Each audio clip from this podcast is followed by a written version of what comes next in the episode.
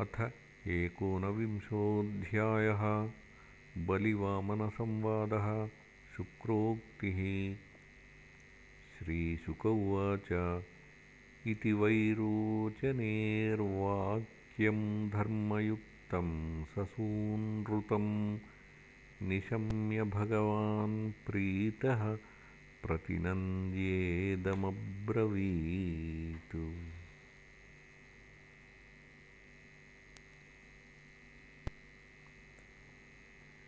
श्रीभगवानुवाच।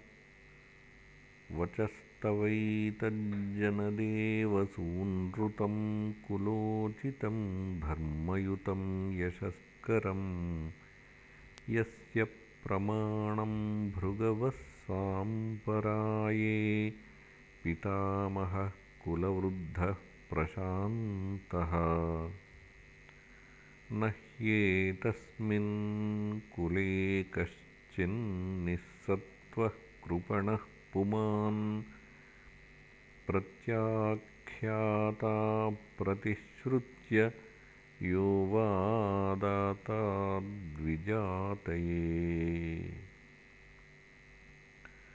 न सन्ति तीर्थे युधि चार्थिनार्थिताः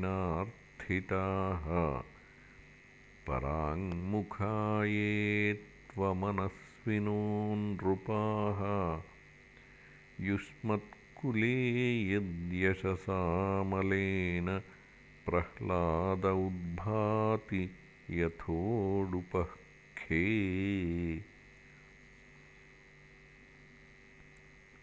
यतो जातो हिरण्याच्छश्चरन्नेकैमां महीम् प्रतिवीरं दिग्विजयेनाविन्दतगदायुधः यं विनिर्जित्य कृच्छ्रेण विष्णुः क्ष्मोद्धारागतं नात्मानं जयिनं मेने तद्वीर्यं भूर्यनुस्मरन् निशम्य तद्वधं भ्राता हिरण्यकशिपुः पुरा। हन्तुं भ्रातृहणं क्रुद्धो जगामनिलयं हरेः। तमायान्तं समालोक्य शूलपाणिं कृतान्तवतु चिन्तयामासकालज्ञो विष्णुर्मायाविनां वरः। यतो यतोऽहं तत्रासौ मृत्युः प्राणभृतामिव अतोऽहमस्य हृदयं प्रवेक्ष्यामि पराग्दृशः एवं स निश्चित्य रिपोशरीरम् आधावतो निर्विविशे सुरेन्द्र। श्वासानिलान्तर्हितसूक्ष्मदेहः तद्घ्राणरन्ध्रेण विविघ्नचेताः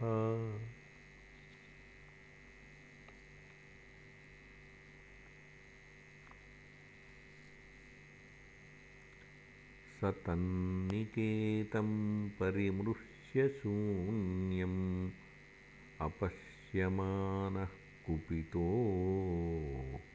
ननाद। क्ष्मां द्यां दिशः खं विवरान् समुद्रान् विष्णुं विचिन्वन् न ददर्शवीरः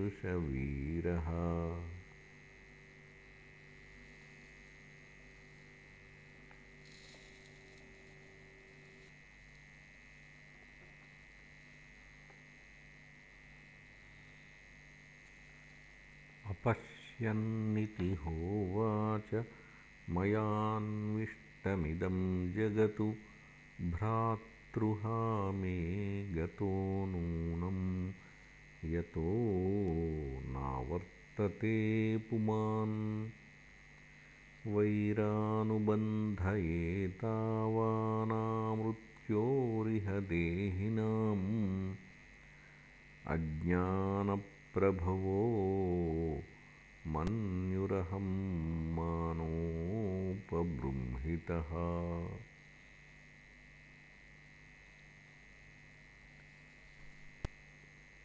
पिता प्रह्लादपुत्रस्ते तद्विद्वान् द्विजवत्सलः।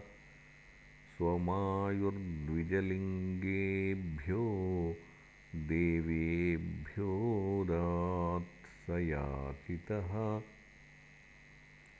भवानाचरितान् धर्मानास्थितो गृहमेधिभिः ब्राह्मणैः पूर्वजैः शूरैरन्यैश्चोद्दामकीर्तिभिः तस्मात्त्वत्तो महीमीषद्वृणेऽहं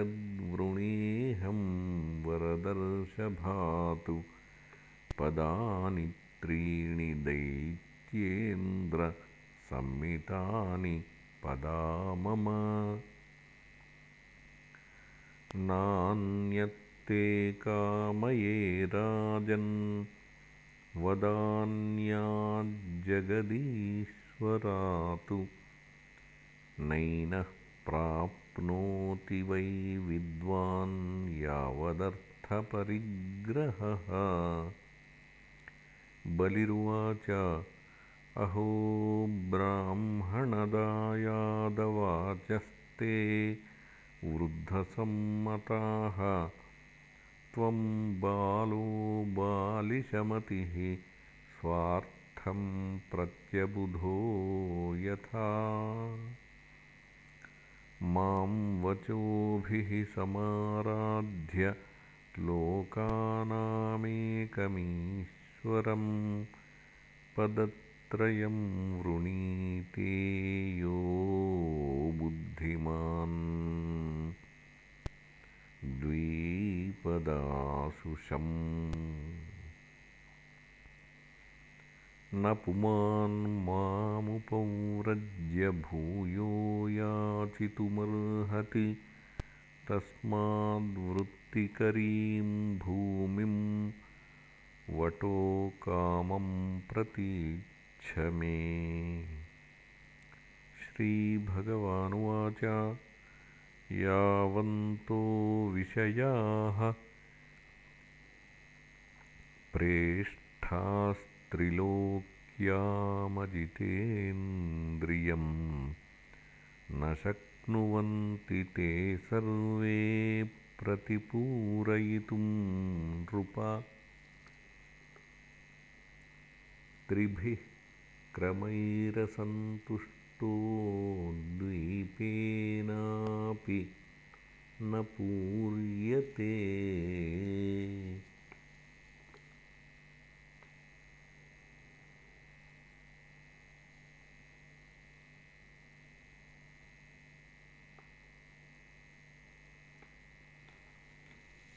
नववर्षसमेतेन सप्तद्वीपवरेच्छया।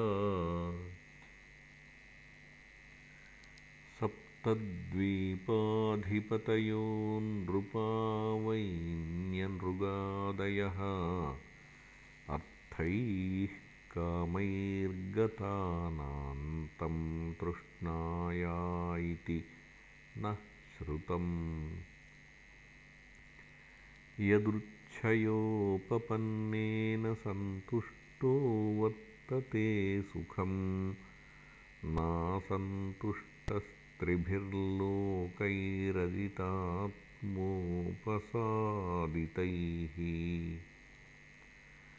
पुंसोऽयं संसृतेर्हेतुरसन्तोषोऽर्थकामयोः यदृच्छयोपपन्नेन सन्तोषो मुक्तये स्मृतः। यदृच्छालाभतुष्टस्य तेजो विप्रस्य वर्धते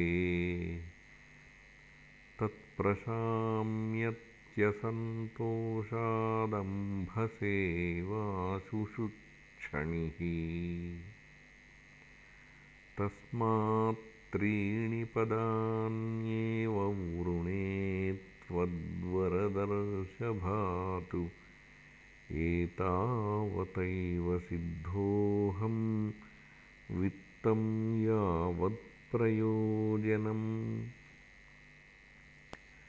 श्रीशुक उवाच इत्युक्तः सहसन्नाह वाञ्छितः प्रतिगृह्यताम् वामनाय महीं दातुं जग्राह जलभाजनम् विष्णवेक्ष्मां प्रदास्यन्तमुशना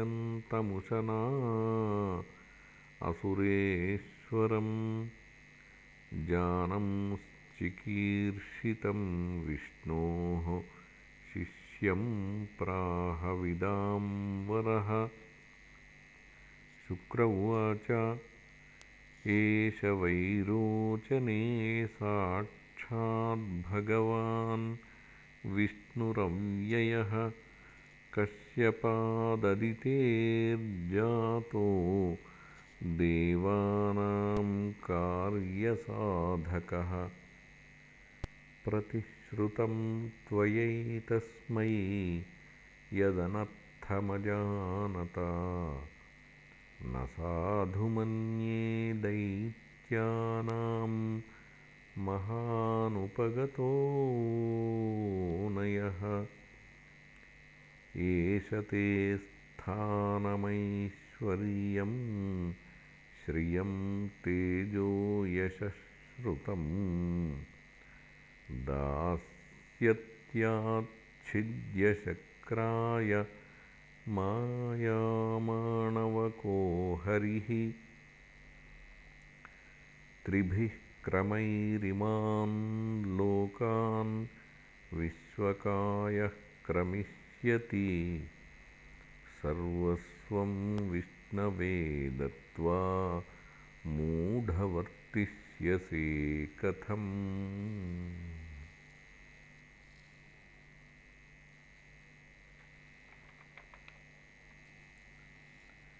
क्रमतो गां पदैकेन द्वितीयेन दिवं विभोः। खञ्चकायेन महता तार्तीयस्य कुतो गतिः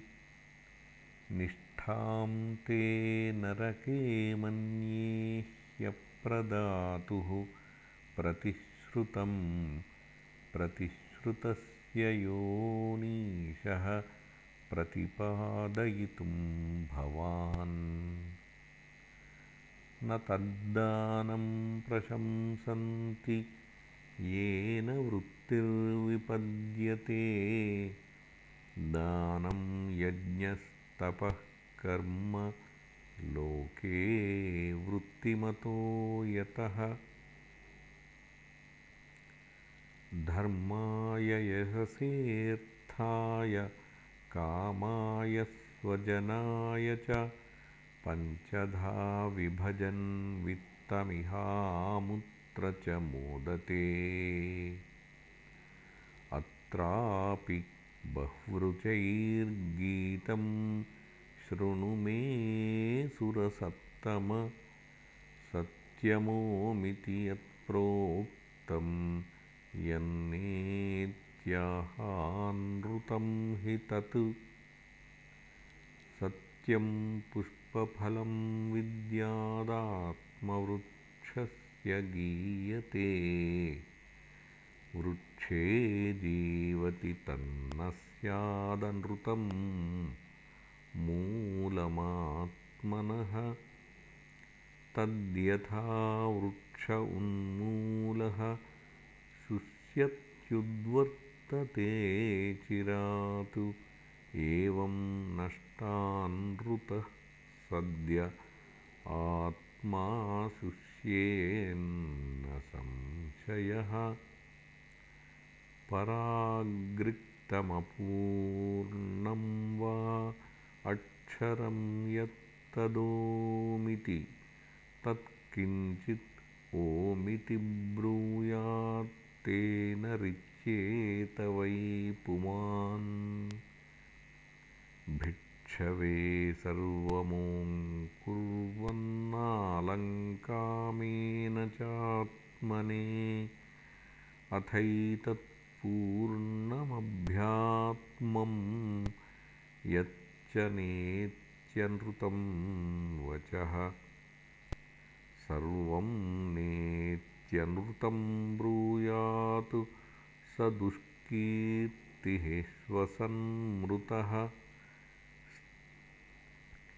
स्त्रीषु